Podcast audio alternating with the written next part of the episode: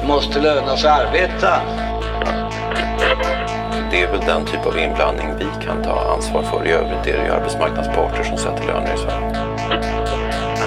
Sticka en nål i en arm i Italien eller i Sverige borde inte vara jättestor skillnad egentligen. För mig är det viktigt att vi har verktyg och redskap om det är så att konjunkturen vänder. Välkomna till årets första podd med Arbetsvärlden. Idag är det fredag den 10 januari.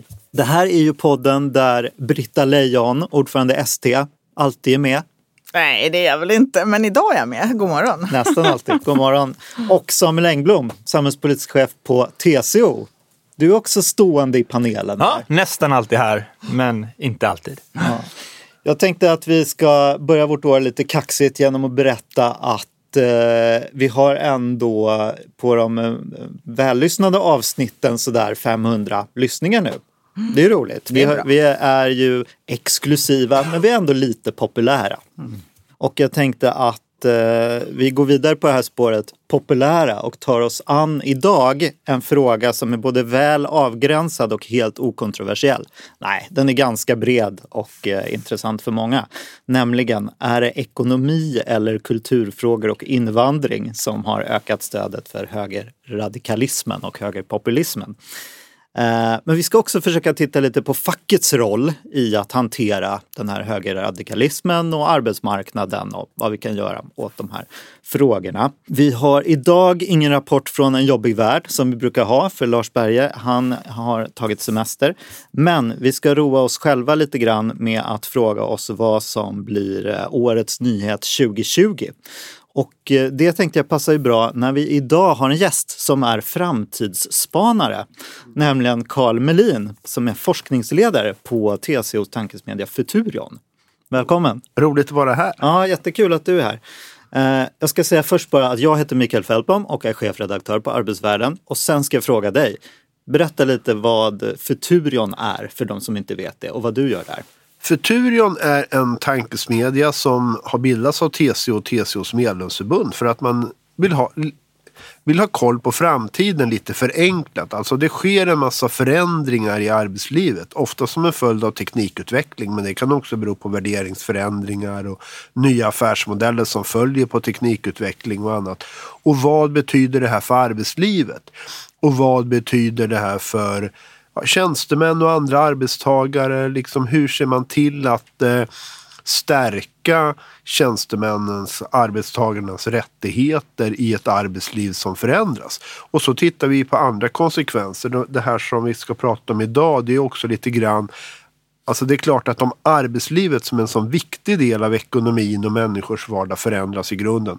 Det vore ju konstigt om det inte också spillde över på samhället i stort.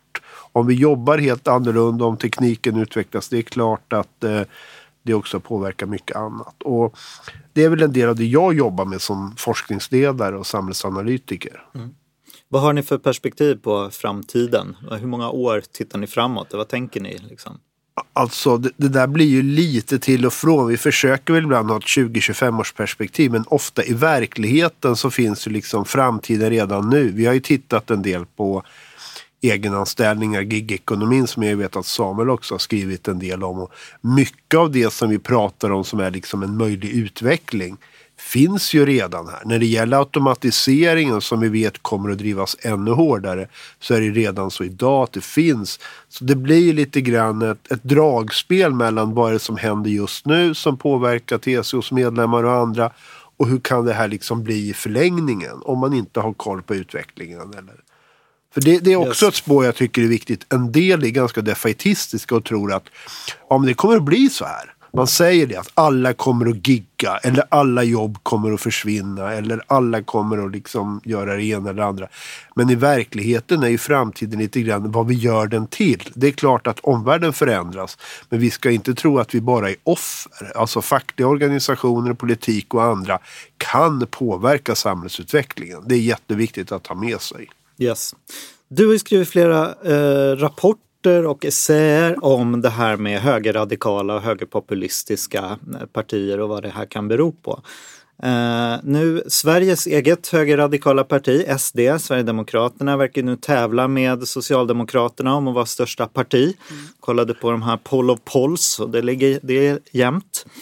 Och eh, så har vi förstås i Europa en eh, liknande utveckling. I Östeuropa har vi högerradikaler eller högerpopulister som Orbán och Morawiecki och anglosaxiska länder har vi Boris Johnson och i USA Trump.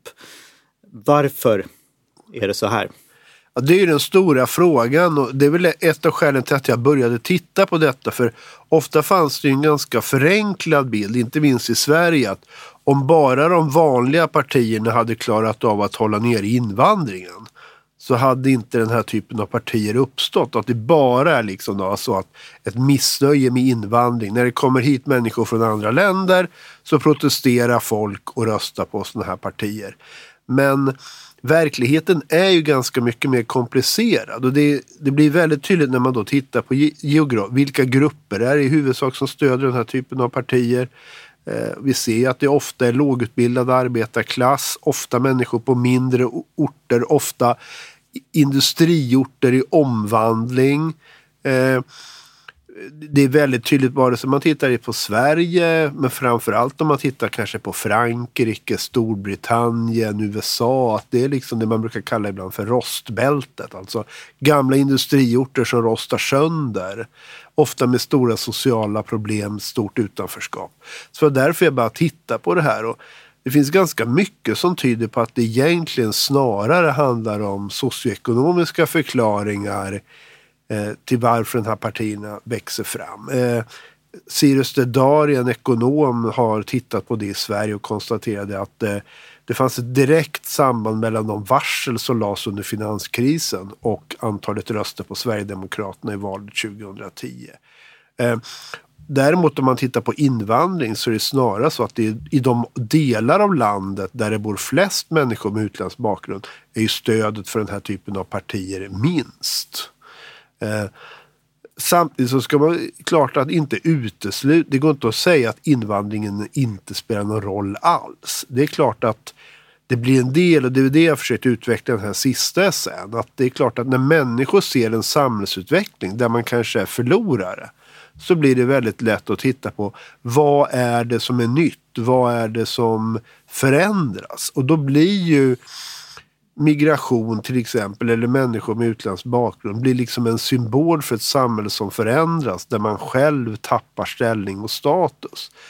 Så jag tror att den debatt som har funnits bland valforskare och sociologer och andra statsvetare som jag själv är att det handlat antingen om kultur, alltså det, att stödet handlar bara om rasism eller missundsamhet mot kvinnor när det gäller liksom Hillary Clinton eller liknande. Att det har varit en förklaring. Det andra har varit att det varit en ren sån här, nästan marxistisk grej. Att eh, ekonomisk förändring leder till liksom de här värderingarna. Det, jag tror att det som förenar de här två förklaringsmodellerna är någon slags rädsla. Alltså man är några har pratat om att man känner sig som främling i sitt eget land. Man känner att man inte längre är del i en framtidsberättelse. Och jag tror att det är där någonstans nyckeln finns. Det är inte antingen bara, det är inte bara stärk LAS och bygga ut a-kassan så att människor får ekonomisk trygghet så blir vi av med stödet för populism. Nej, det funkar inte. Eller bara stäng gränserna. Men det, jag menar, partier eller länder med i princip ingen invandring alls har ju också den här typen av partier. Jag tänkte fråga dig sen var, varför det handlar så mycket om män som stödjer den här typen av partier. Men vi kan väl ta, köra en liten runda Samuel och Britta. Ni har ju både läst eh, Kalles rapporter och har förstås eh, åsikter i den här frågan. Mm. Ja men eh, jag tycker att det, det, är väldigt klokt det du säger. Eh, alltså självklart handlar stödet för populism är ju naturligtvis, ja men hämtar ju naturligtvis sin näring i en kritik mot sakernas tillstånd, mot hur det ser ut nu. Eh, och en rädsla inför det som förändras och där man själv känner att man inte är en del av de som vinner på de förändringarna. Så är det naturligtvis. Alltså jag tror att det väldigt mycket handlar om både en kombination av materiella frågor och och förlorade framtidsutsikter. Alltså att den här tudelningen som vi ser äger rum i både Sverige och stora delar av världen. Alla de här protesterna vi ser som sker runt om på gator och torg över stora delar av världen just nu är ju också en kritik mot det som händer. Eh, sen kan den ta sig olika uttryck i olika delar av världen. Men det finns anledning att vara kritisk mot samhällsutvecklingen. Eh, och det är klart att om samhällsutvecklingen leder till att vissa människor eh, blir rikare eh, och vinner på det som händer. Eh, Medan väldigt många känner att jag inte vinner på det här. Jag förstår inte vad som händer kanske till och med. Eh, och, och jag känner att jag, jag förlorar på det här. Det är ju en grogrund för, för mycket elände. Eh, och det är en helt berättigad kritik mot samhällsutvecklingen. Men den kan ta sig olika uttryck. Och att den tar sig just populistiska uttryck det beror ju också på att det finns några som, som sätter fingret på det här och säger, eh, säger att, och också ofta förenklar förklaringarna till varför det ser ut så här. Alltifrån Allt ifrån eh, pekar ut syndabockar, ofta då invandrare för att det är lätt att göra dem till syndabockar. Eh, eller en elit eller vad det nu är. Men liksom utifrån en berättigad kritik mot samhällsutvecklingen så finns det ju sen populister som tar fasta på den, använder sig av den kritiken men sen också kommer med lösningar som inte är lösningar.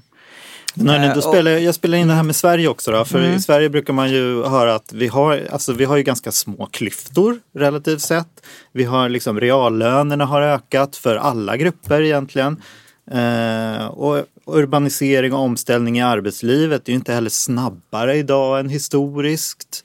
Eh, tänker jag. Och attityderna blir mer liberala. Och vi har inga så här krig eller traumatiska minnen, inga dolkstötslegender. Nej, men liksom. samtidigt har Varför vi en urholkning även av... i Sverige? Ja, men vi har ju faktiskt också, vi ser ju också en urholkning av välfärdssamhället. Vi ser ju faktiskt att eh, ehm, trygghetsnätet i Sverige har försämrats radikalt skulle jag vilja säga. Vi har pensioner som är sämre, vi har en mycket sämre a-kassa, vi har eh, problem med sjukförsäkringen och vi har eh, gudskelov inte någon hög arbetslöshet. Men eh, vi har jobb som är otryggare. Jag tänker på alla som blir inringda på kort tid. Alltså vi, det är inte så att vi inte har ett försämrat eh, samhälle i Sverige också.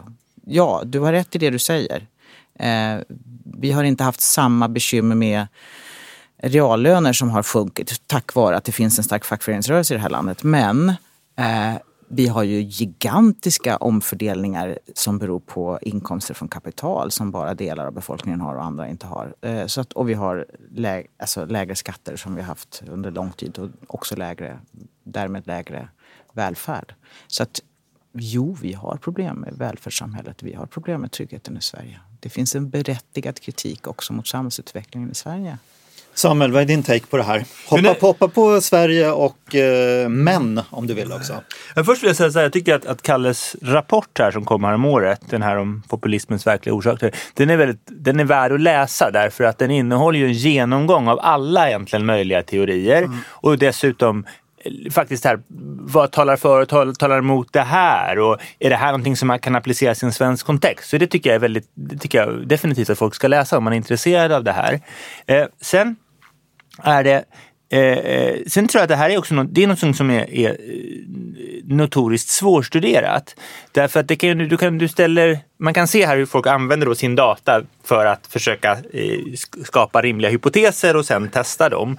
Eh, och då är det ofta det här att man kanske tittar på hela befolkningen. Det säga man tittar på att ja, men, men främlingsfientligheten har faktiskt gått ner under de här åren. Jo, men i vissa grupper så har den ökat. Och de söker sig mer till sådana här partier och sånt. Sen är det, jag tror en, en, jag tror en viktig förklaring är ju det här vad, vad Eh, vad pratar vi om? Alltså, eh, vad händer 2015 till exempel? Jo, då får vi en, det kommer många nyanlända. Eh, eh, migration blir en stor nyhet i media. Då växer den frågan och då blir den viktigare för människors val av parti. Och då fanns det en stor latent grupp som där detta blev så viktigt att det, att det, var där, det var det som avgjorde hur de la sin röst 2018 till exempel. Det tror jag det kan vara en del av förklaringen eh, som, som då liksom är kopplad till eh, som inte då är, som är kopplad till upplevelsen snarare än det som man kan fånga i den hårda datan, det vill säga vad, hur ser migrationen ut på en, på en viss ort. Eh, sen när det gäller förklaringar som har att göra med, med, liksom, med arbetsmarknadens utveckling, med, med välfärdsstaten så tror jag att det är ganska tydligt också som, som, som, du var inne på Mikael, att en del av de här förklaringarna som kommit till en del andra länder, de är svårapplicerade på Sverige därför att vi har inte haft den här nedgången i reallöner till exempel som man kan haft i en del andra länder. Eh, eh, vi, har haft en, vi har en stark arbetsmarknad. Alltså den arbetslösheten vi har, det handlar ju egentligen om människor som är på väg in på arbetsmarknaden eller som har varit långtids, som har varit borta väldigt länge. Så det, det, är svårt att, att, att liksom rostbältsanalogin är lite svår på Sverige. Eh, och vi kan också se att de, som, de grupperna som kanske har mest har de här eh, otrygga anställningarna, unga och kvinnor, ja, de är ju mindre benägna mm. Att, att det. Så det är, det är något, det är andra förändringar i arbetsmarknaden och välfärdsstaten. Eh, det finns en, tror jag, som kan, eh, det finns några branscher som har kommit att utsättas för mer utländsk konkurrens på hemmamarknaden. Bygg och mm, transport, mm, mm. cabotagetrafik, utstationering. Mm. Det har då ingenting med invandring att göra utan det är ju fria rörlighet det handlar mm. om. Va? Så där tror jag, där, där tänker man, i de grupperna så kan ju det faktum att man sett sin arbetsmarknad och sina arbetsplatser förändras haft en viss betydelse. Men sen är det det här med välfärden och då tror jag att då måste vi fundera på, det är just det här att man har, då tror jag är du skriver i rapporten om transfereringssystemen, mm. men jag tror snarare kanske det är alltså välfärden i form av vård, alltså vård, skola, omsorg. Det du ser. Vi ser kommuner och landstingen har en mm. ansträngd ekonomi. Det sparas in. Eh, eh, eh, man upplever att kapaciteten inte är tillräckligt stor. Man upplever att det blivit längre till, alltså bor du i glesbygd så har det blivit längre till, till, eh, till eh, Både bank, och skolor. Ja, mm. och, och, banker och, och post och allting. Mm. allting sånt. Inte bara alltså, den offentliga servicen men också den privata mm. servicen. Det har, eh, den upplevelsen tror jag är, är är också en, liksom en viktig förklaring till någon sorts missnöje oh. som man kanske kan koppla till, till, till den här typen av framväxt. Men det är också som du beskriver i rapporten, det är ju jättesvårt. Det går inte att hitta en förklaring. Mm. Eh, och det, det, här, de som hittar sina bra statistiska samband, säger att det här förklarar en tredjedel av den här tillväxten och så vidare. Så jag tror att man måste lägga ihop det. Men jag tror att den, så. Men det kan, ja, vi kan gå in sen på vad man ska göra. Ja, men, jag tror att rädsla kan ju, som jag skriver om i den här sen, kan ju ibland ses som då det mots, motsatsen till tillit. Och man kan säga att tillit tror jag är en underskattad faktor. Och eh, då handlar det både om mellanmänsklig tillit men också tillit till de här systemen. Alltså att man vet att, jag tror att det i Sverige har funnits en ganska stor känsla av att om, när jag blir gammal, det kommer att lösa sig. När jag mm. blir sjuk, det, det, finns ett samhälle mm. där. Man har på något sätt ändå känt att det har funnits en grundläggande tillit. Man har kunnat lita på andra människor. Tillit kan man ju mäta på olika saker. Jag tror att ett sätt att förstå varför en del demokratier fungerar och andra inte är att det har funnits en grundläggande tillit i samhället. Man kan titta på Putnams studier om norra och södra Italien. Varför fungerar inte demokrati särskilt bra i forna Östeuropa? Eh, trots att man liksom på pappret är demokrati. Och därför att det är ett samhälle där man inte litar på varandra eller inte litar på staten. Där man utgår från att de som har makten mm. skor sig. Eh, man tror att förlorar man valet kommer man inte få chansen i nästa val och så vidare. Så till är det här reella förändringar tycker ni eller är det mer en propagandaförändring? Att vi inte, om vi, att vi inte litar vi, på myndigheter, stat och det offentliga? Till, tilliten har minskat och jag tror att här finns lite grann det här samhällskontraktet kopplat till välfärden. Jag tror också att det här begriper ju även de som medvetet jobbar med att öka populismen. Om man mm. tittar på det här som till exempel ryska trollfabriker och allt jobbar med, eh, mycket av alternativmedia, så handlar det i grunden om att minska tilliten. Man vet att samhällen med minskande tillit mm blir sämre fungerande samhällen, svagare stater, svagare demokratier.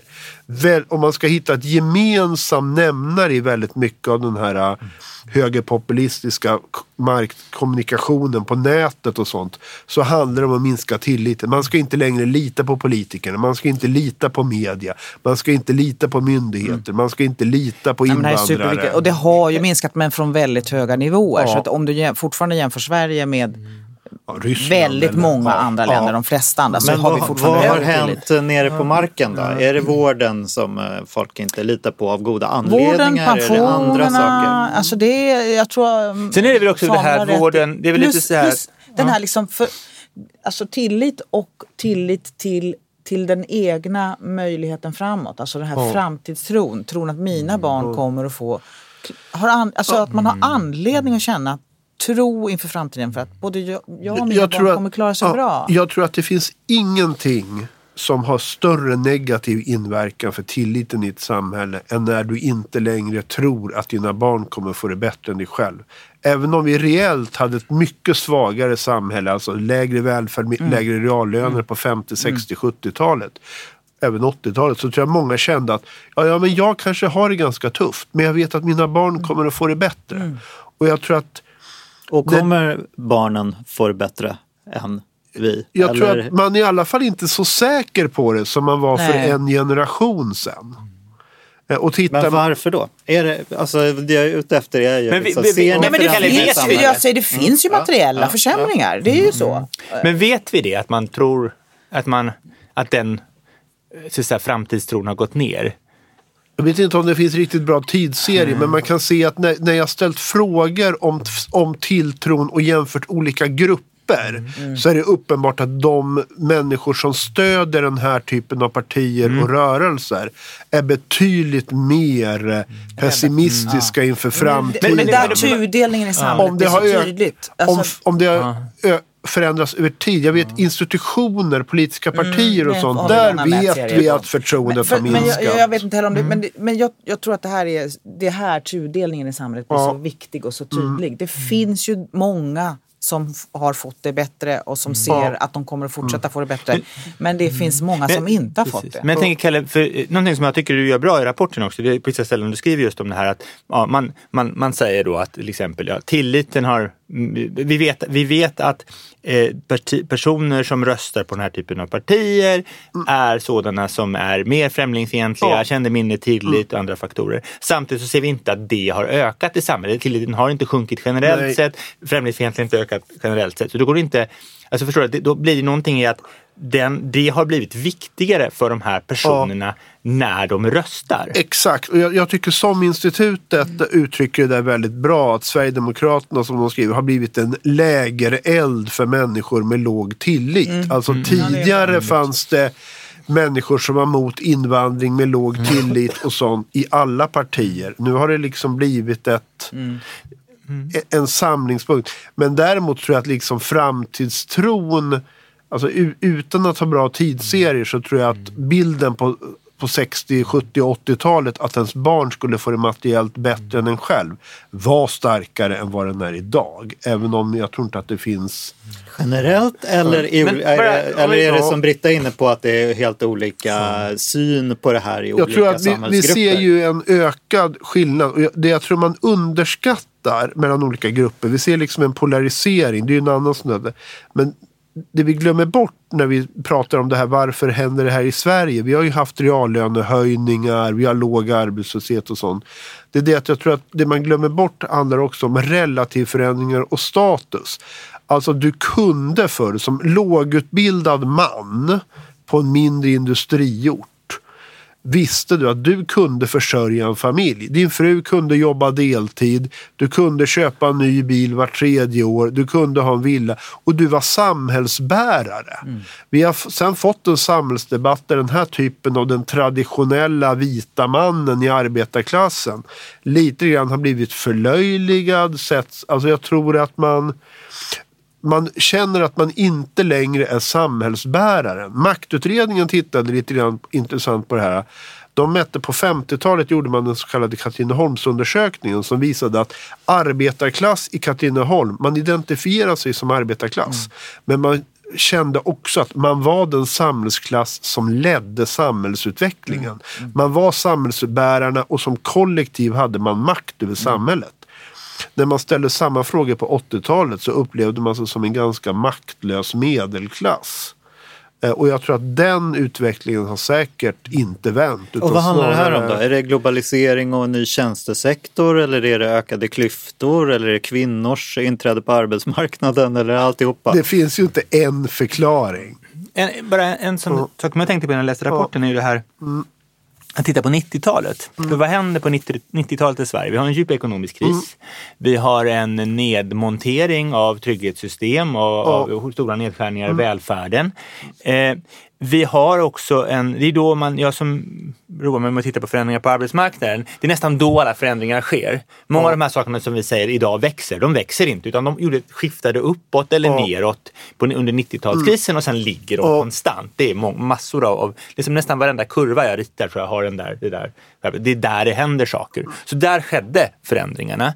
Eh, vi hade, då hade vi Ny Demokrati som kom in. Men Ny Demokrati kom in innan det här. Jag kommer ihåg, de kom ju in i, i riksdagen före 90-talskrisen. Ja. Det är en annan typ utav, det är en sån här drag under galoscherna, eh, frisprit, bredare trottoarer, eh, populism. Men, men det var ju en sån. Eh, Mer. Mogens Glistrup. eh, Ja, ja, precis. Men de faller ur och då har jag ibland funderat på det där Ny Demokrati, debaclet med Ny Demokrati, att det, det är liksom det fördröjde den här utvecklingen i Sverige. Därför att då absolut. hade ett sånt parti kommit och gjort bort sig. Eh, då. Och så Det liksom var en vaccination mot Ja, men tyvärr då var det ju inte en vaccination. En för då hade vi ju inte sluppit, utan det här var ju någon sorts fördröjning. Men, men samtidigt hade vi, vi hade främlingsfientlighet.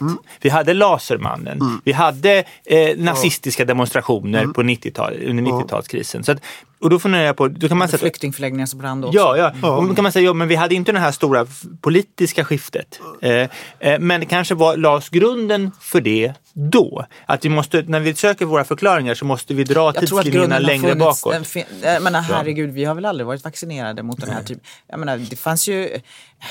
Vi hade ju, vi hade ju grupperingar i Sverige som stödde, stödde nazisterna liksom, Mm. Och- och- och det- decennier precis. tidigare. Och De det- har all, det har alltid funnits. Och det läskiga men de har är ju varit då, små. det läskiga är väl då att där Sverigedemokraterna först växer fram är samma orter där nazisterna Yes, var starka yes, på 30-talet. yes, det. det är ju det första då. Det- men det- sen förändras, blir ju det Det en helt hände annan inte med typ 90-talet utav... men du har helt rätt i att 90-talet var otroligt Ja. betydelsefullt. Men jag tror att mycket av den här tilliten, jag tror att det, utan att liksom romantisera den svenska Mm. arbetarrörelsen, så jag tror att det fanns en känsla i stora grupper av arbetarklasserna, till exempel, ja men vi är arbetarklass, Man är en- Socialdemokraterna man är en del är av vårt parti. rörelsen framåt som Ja. gör samhället bättre. Ja, Ja. och jag tror att 90-talskrisen på något sätt, sen tror jag det stora fallet för Socialdemokraterna dröjde, inte minst därför att de, de borgerliga partierna inte var en särskilt bra eller möjlig, möjligt alternativ för många väljare. Men jag tror att tilliten till det socialdemokratiska välfärdsprojektet, att man kan liksom lita på att välfärden fanns där. Jag tror att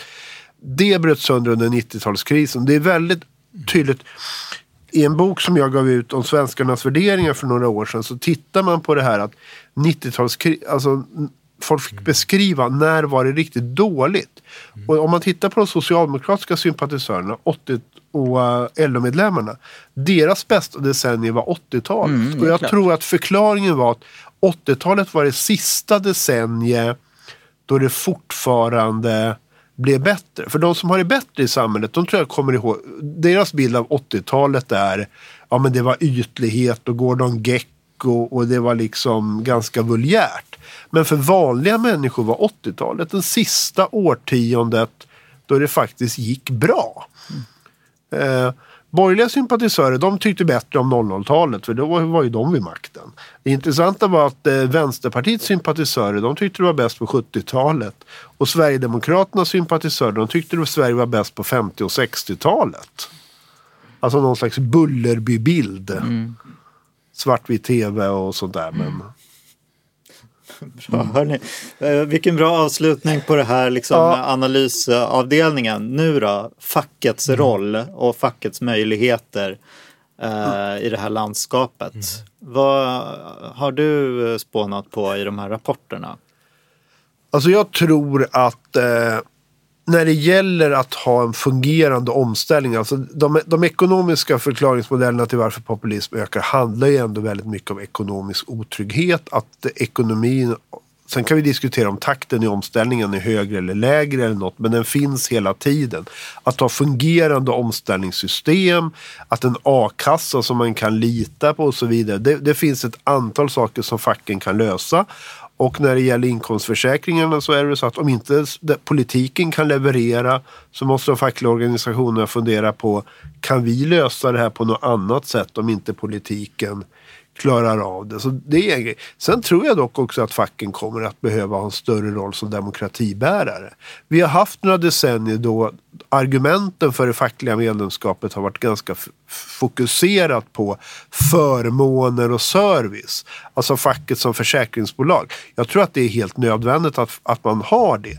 Däremot tror jag att det här med facket som liksom bärare av demokratin och som det är ett uppdrag där man kanske har backat tillbaks lite grann. Och det tror jag blir viktigare. Jag tror att diskussionen när det gäller främlingsfientlighet och liknande, alltså att våga stå upp för grundläggande demokratiska värderingar. Det, där tror jag hela civilsamhället, inklusive fackföreningsrörelsen, behöver steppa upp lite grann. Mm. Alltså, jag, du, du säger väl ungefär samma sak som... Jag, alltså, jag tror inte någon av oss kommer att ha vä- väldigt stora invändningar, om möjligtvis får Samuel ta- prata för sig själv. Men, men jag ser ju att vi är, facket är ju faktiskt en av två kvarvarande existerande folkrörelser i Sverige. Alltså det, så är det. Vid sidan av facket finns det egentligen bara idrottsrörelsen kvar som fångar stora, stora grupper av svenska befolkningen. Och som är liksom en, en samhörighet, en, en, liksom, en gemenskap. Eh, och den, den rollen är ju det är inte därför vi finns. Vi finns ju inte av det skälet. Vi finns för att försvara våra medlemmars liksom, villkor på jobbet. Eh, och det är grymt viktigt. Och det, det, jag skulle vilja säga den, vi måste klara av den rollen ännu bättre också framöver. Alltså vi, vi har klarat den bra. Till, jämför Sverige med de flesta andra länder så har vi klarat det bra. Eh, men det är ingenting som säger att det är någon lätt match framöver. Jag tänker på de sjunkande medlemstalen i facket och en del andra grejer. Vi har en jättestor uppgift att se till att fortsätta leverera reallöner, att, att förbättra a-kassan och eh, liksom ställa krav på ett förbättrat eh, trygghetssystem och välfärdssamhälle. Det- Alltså, pensioner ska vi inte... Liksom, alltså, allt det där. Vi har supermycket på vårt bord framöver. Så är det bara när det gäller de grundläggande materiella uppgifterna för facket. Men sen har vi den här rollen som du pekar på som är att vi är, vi är, vi er, när vi är som bäst så erbjuder vi människor ett sammanhang och en möjlighet att påverka samhället till det bättre som inte finns på så många andra ställen kvar i Sverige. Eh, på arbetsplatsen, i gemenskap med andra, att göra skillnad. Eh, det är vår, vår roll som folkrörelse är Och det är, också, det är också väldigt tydligt, om man tittar på de länder där tilliten är högre så hänger det ofta ihop med att det finns ett starkt civilsamhälle. Det är ingen slump att auktoritära regimer i Östeuropa och andra, på samma sätt som man slår mot fristående universitet, fristående medier, fristående domstolar, så, slår ett fritt civilsamhälle det liksom bromsar för auktoritära ledares förmåga.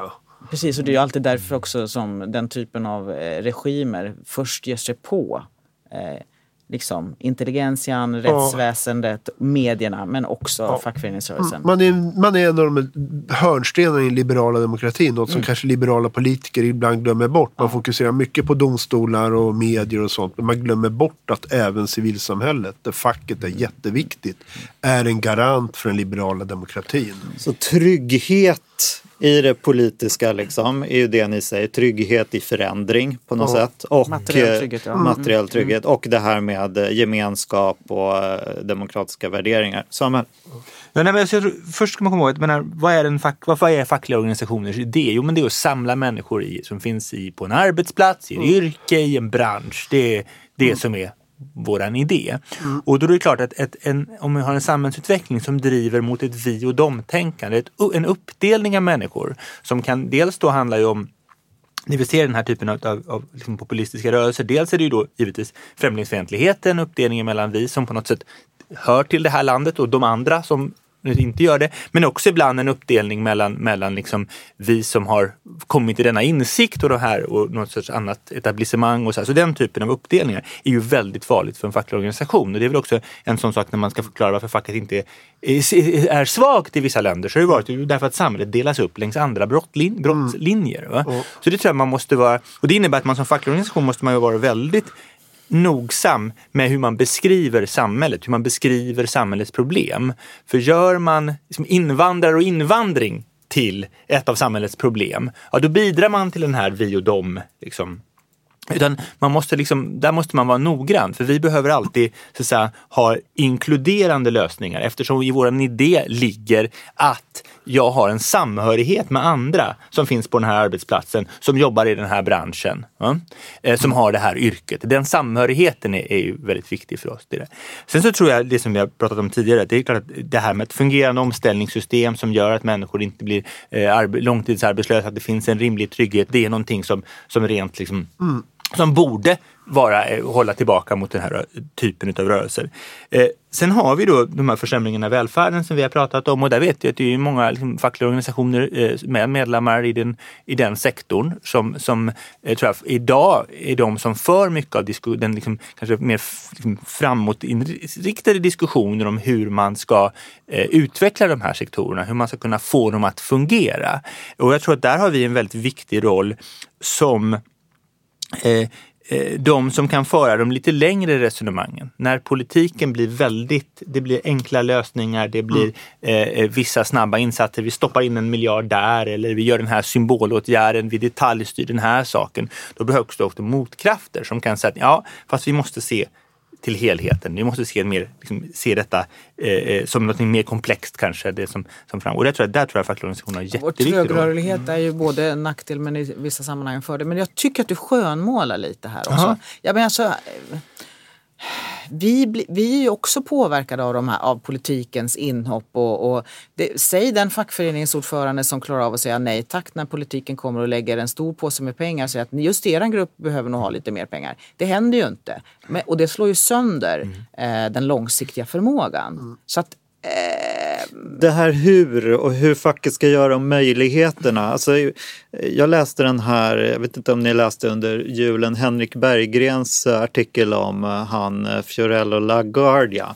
Nej, en gammal, eh, en gammal borgmästare i New York under okay. 30-talet. Uh -huh. Alltså alla de här referenserna till 30-talet. Eh, han skriver ju liksom att... Eh, Italiensk jude. Precis. Okay.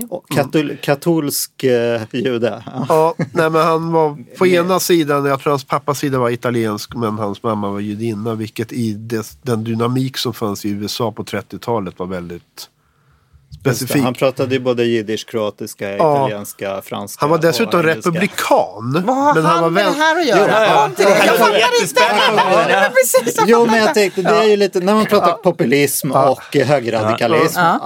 Vi jämför ju ofta med 30-talet, är det som då mm. eller är det inte som då? Och Henrik Berggren tar ju upp liksom att LaGuardia är aktuell just därför att vi har många utmaningar nu som påminner om 30-talet. Vi mm. har minskande förtroende mm. för det offentliga, vi har ökande klyftor och så vidare. Vi har växande etniska motsättningar och försvagade fack mm. till exempel.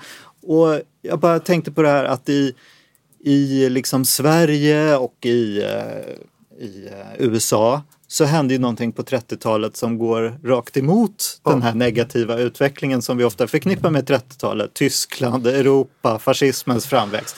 Men här hände ju någonting helt annat. Vi började bygga någon sorts välfärdssamhälle och gick i en helt demokratisk riktning.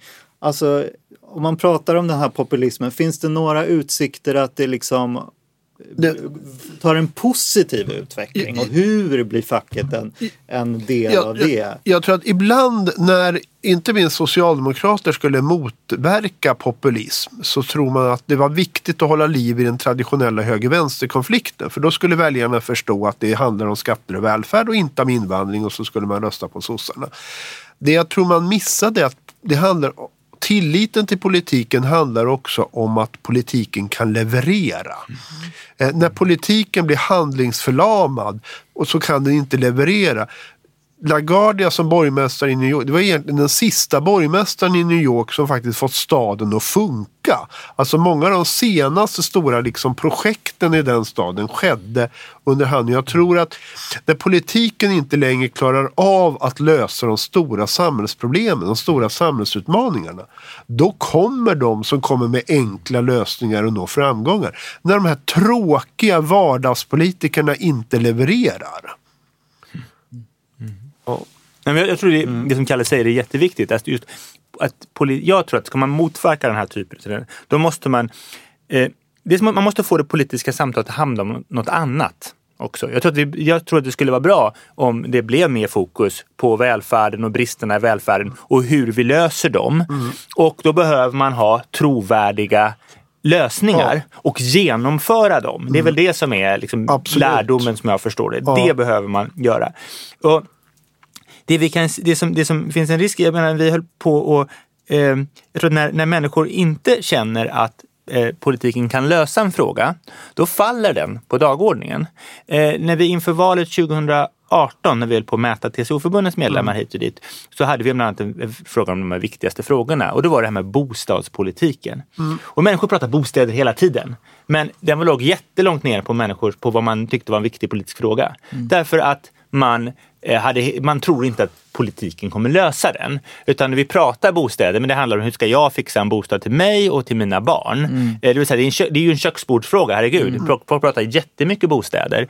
Eh, men man upplever inte att politiken har något att komma med. Och det där tror jag är farligt för flera frågor. Är att man inte upplever, om inte politiken rätt. upplevs som den kan leverera, då kommer det till slut vara eh, frågor som handlar om eh, liksom gränsbevakning och, och, och, och brott och straff. Det kommer bara vara det som dominerar. Det där är jätteintressant därför att när man frågar till exempel som institutet frågar vad människor är mest oroliga över. Då kommer på översta plats sedan många år klimatfrågan. Sen kommer liksom sånt som antibiotikaresistens och terrorism och grejer.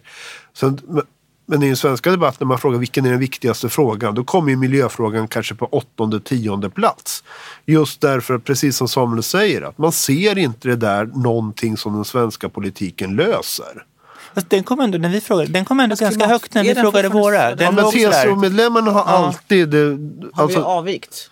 nej, men TCO-medlem, alltså det hänger ihop med utbildning. Alltså, alltså är du mer utbildad än genomsnittet så är du också mer intresserad av miljö och klimat.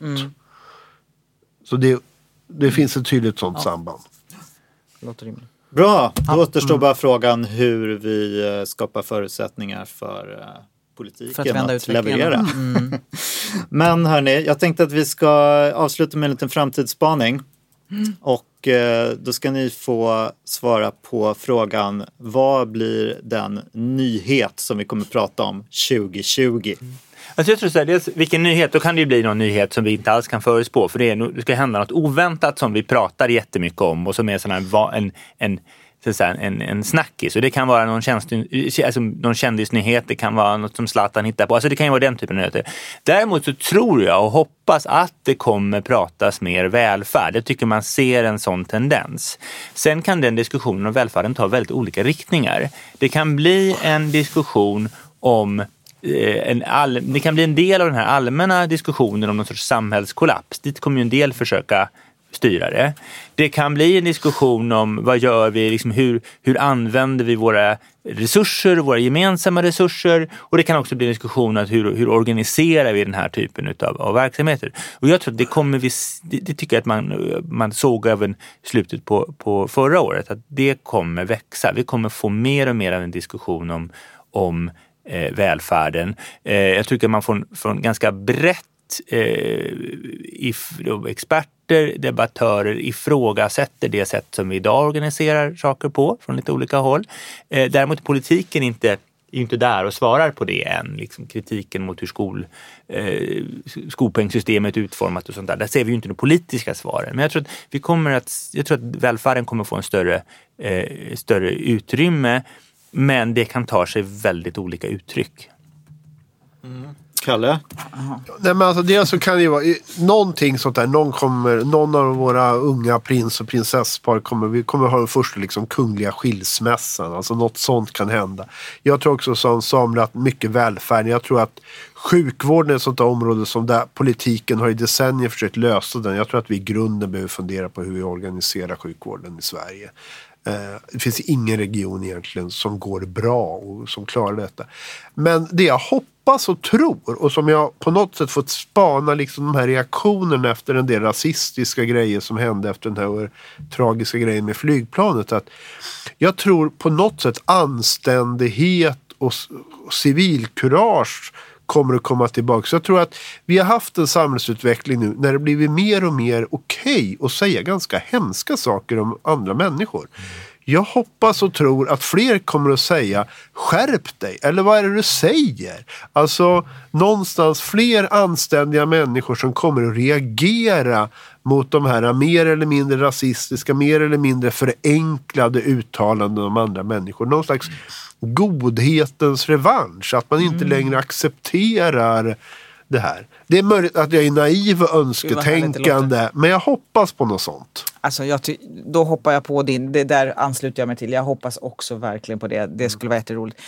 Utifrån hur det ser ut just nu i världen så är jag ju rädd för att det finns det finns så många konfliktkällor eh, eh, om vi tittar i liksom eh, geopolitiskt och mellan stormakterna.